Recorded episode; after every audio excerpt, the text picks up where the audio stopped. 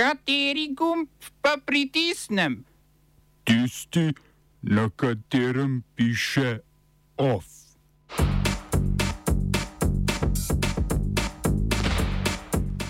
Etiopska vlada in Tigrajska ljudska osvobodilna fronta sklenili premirje.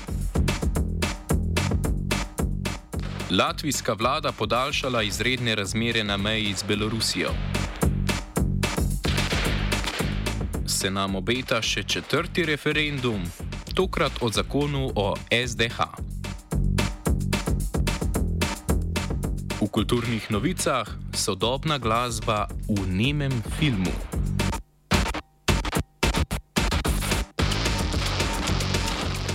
Etiopska vlada in Tigrajska ljudska osvobodilna fronta, skratico TPLF, sta sklenili premirje na prvem uradnem mirovnem pogajanju v Južni Afriki.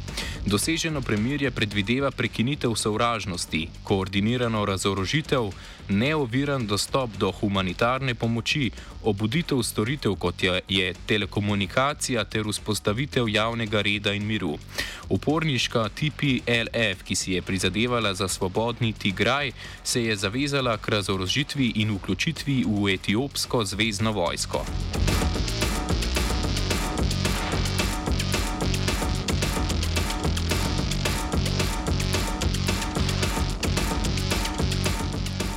Po skoraj dveh letih bojev ter hudi humanitarni krizi sta nasprotujoči si strani marca letos že dosegli premirje, ki je predvidevalo nemoteno dostavo humanitarne pomoči v Tigraj. Dogovor je bil prekinjen avgusta, ko se je bojevanje ponovno začelo. Eritreja, ki se je borila na strani zvezdne vlade, ni bila del pogajanj, zato ni jasno, ali bo dogovor spoštovala tudi ta. Oboroženi konflikt se je začel novembra 2020, ko je etiopski premijer Abi Ahmed ukazal vojaško posredovanje v Tigraju. TPLF namreč ni upoštevala njegove prepovedi volitev in je v Tigraju volitve vseeno izvedla ter na njih zmagala. Več o premirju v današnjem offsajdu ob petih.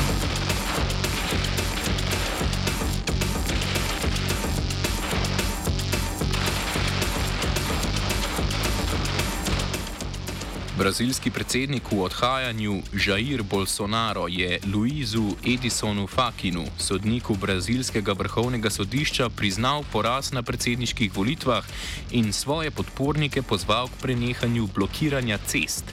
Novinarjem je zagotovil, da bo spoštoval brazilsko ustavo, članom vrhovnega sodišča pa naj bi povedal, da je volitev zares konec in da je njihov zmagovalec Lula da Silva.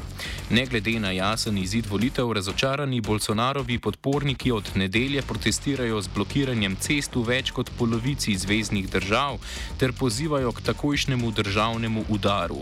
Bolsonaro zapore cest obsoja in trdi, da se mu ne zdijo del legitimnih demonstracij. Vseeno pa pravi, da so protesti, ki, prot ki potekajo drugot, naprimer na trgih, dobrodošli.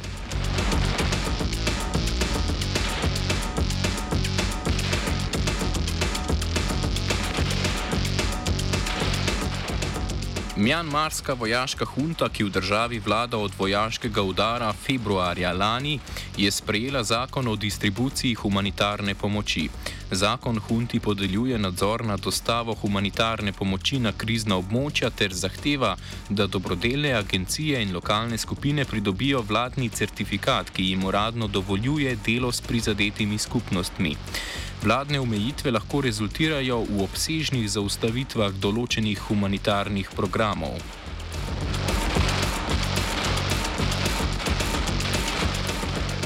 Medtem je Mjanmarsko sodišče pod vojaškim nadzorom Win Min Lejna obsodilo na 173 let zaporne kazni na podlagi obtožb o terorizmu. Član vladnega kabineta in član parlamenta odstavljene premijeke Aung San Suu Kyi se tako sooča z najdaljšo zaporno kaznijo, ki jo je odredilo sodišče pod vodstvom vojaške hunte.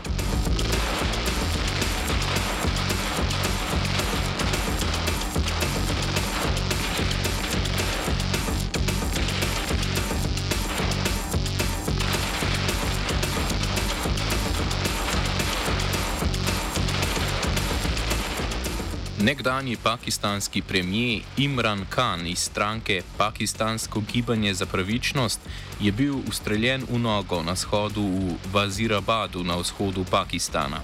Khan in njegovi podporniki so potovali do glavnega mesta Islamabad z zahtevo po predčasnih volitvah. Kanu je bila aprila izglasovana nezaupnica in je bil odstavljen z mesta premijeja. Njegovo življenje ni ogroženo, poškodovanih pa je nekaj udeležencev shoda.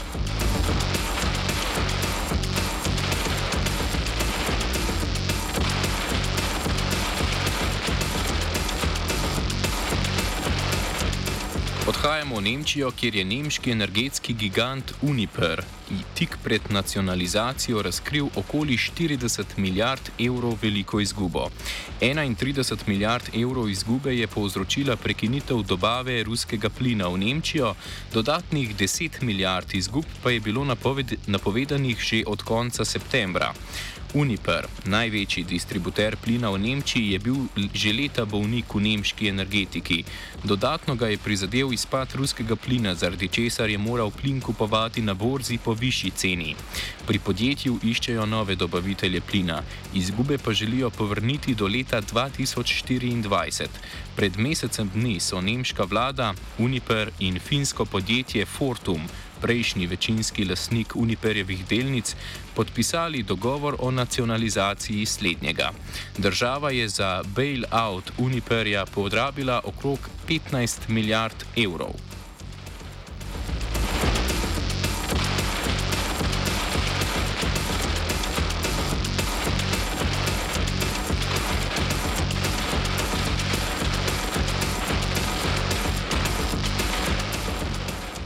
Varnostni svet Združenih narodov je soglasno podaljšal mandat misije Evropske unije v Bosni in Hercegovini do novembra naslednjega leta.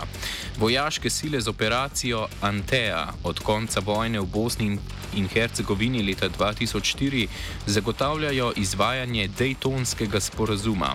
Kljub opozorilom, da bo izglasovala veto na odločitev, je podaljšanje mandata vojaške misije podprla tudi Rusija.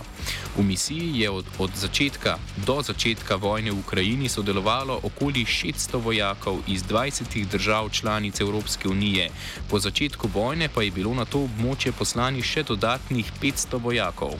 Oktobra je zanimanje za sodelovanje v misiji pokazala tudi Hrvaška, a tudi hrvaški član predsedstva BIH Željko Komšič zaradi vloge Hrvaške v vojni z Bosno ni naklonjen.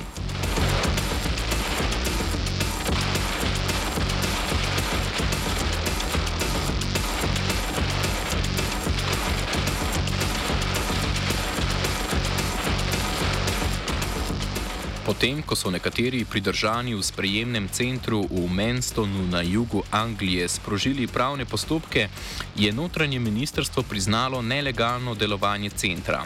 V azilnem centru je bilo naseljenih 4000 ljudi, prostora jih je le za 1600, zato so oblasti že premestile več sto migrantov. Nekateri so bili preseljeni v hotelske sobe. V Manstonu že več tednov vladajo nečloveške razmere. Ljudje spijo na tleh ne smejo se tuširati, iti na stranišče, zapustiti zgradbe in poklicati svojcev. V Kent migranti prihajajo prek Rokavskega priliva v majhnih ščovnih, letos jih je tja prišlo več kot 40 tisoč. Prejšnji teden so v Menstonu preselili tudi 700 migrantov iz centra v Doverju, ki je pogorel zaradi napada z ognjeno bombo. Ministrstvo za notranje zadeve sicer trdi, da je za osnove življenjske potrebe, osnovne življenjske potrebe migrantov v azilnem centru poskrbljeno.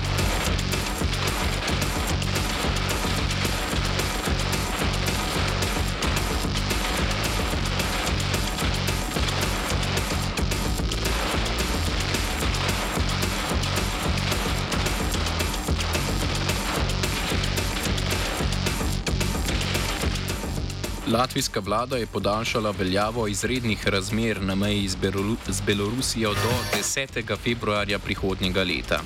Izredne razmere so v veljavi že več kot leto dni. Uvedene pa so bile zaradi povečanja števila poskusov prehoda meje iz Belorusije v Latvijo. Latvijske oblasti izredne razmere izkoriščajo za suspens pravice do azila in prosilca za azil prisilijo, da se vrnejo v državo izvora. To je praksa, ki je po pravu Evropske unije nelegalna. Od avgusta lani je bilo med prečkanjem meje ustavljenih več kot 7500 ljudi. Od avgusta letos se je povečalo tudi število pridržanih. Na meji z Belorusijo je postavljena skoraj 60 km dolga ograja. Latvijska vlada je izredne razmere podaljšala kljub mnenju pravosodnega ministra, ki pravi, da bi to morala biti le začasna rešitev. Smo se osamosvojili, nismo se pa osvobodili. Naslednje število je še 500 projektov izpiljene modele, kako so se strani nekdanje LDS rotirali. Ko to dvoje zmešamo v pravilno zmes, dobimo zgodbo o uspehu. Takemu političnemu razvoju se reče udar. Jaz to vem, da je nezakonito, ampak kaj nam pa ostane? Brutalni obračun s politično korupcijo. To je Slovenija, tukaj je naša zemlja, to je Slovenija, Slovenija, Slovenija. Združenje svetov, svetov delavcev Slovenije je v državni zbor uložilo več kot 3000 podpisov za začetek postopkov za razpis referenduma o noveli zakona o slovenskem državnem holdingu, krajše SDH. Predstavniki noveli nasprotujejo, ker ne upošteva ustavne pravice zaposlenih do sodelovanja pri upravljanju. Želijo si, da bi zakon omogočal možnost nadzora tudi predstavnikom več kot 50 tisoč zaposlenih v družbah, ki so pod okriljem SDH. Vladimir Šega, predsednik Združenja svetov delavcev Slovenije, odgovarja, če so imeli predstavniki zaposlenih do zdaj možnost nadzora upravljanja v SDH-ju. V vseh odvisnih družbah in uh, tudi v privatnih družbah je to dokaj solidno urejeno. Uh -huh. uh, ni pa bilo v sami krovni državni družbi, kjer se pa spremajo ključne odločitve. V državnem zboru sprejeta novela sicer služi kot podlaga za prenos premoženja družbe za upravljanje terjatov bank, kraj, krajše DUTB, na SDH in po trditvah vlade uveljavlja po bolj transparentno upravljanje podjetij v državni lasti. V primeru, da parlament odloči, da je pobuda vlože, vložena v skladu z zakonom, sledi zbiranje 40 tisoč podpisov voljivcev. Šega o nadaljem delovanju Združenja sveta delavcev pravi. Najprej moramo počakati na odločitev državnega zbora, potem pa zelo toplo upamo na eno razumno odločitev vlade, ker ni v interesu ne nas, ne njih, da ta zakon, ki ima pa kar nekaj pozitivnih zgodb, damo na tapeto in ga upočasnimo za skoraj pol leta.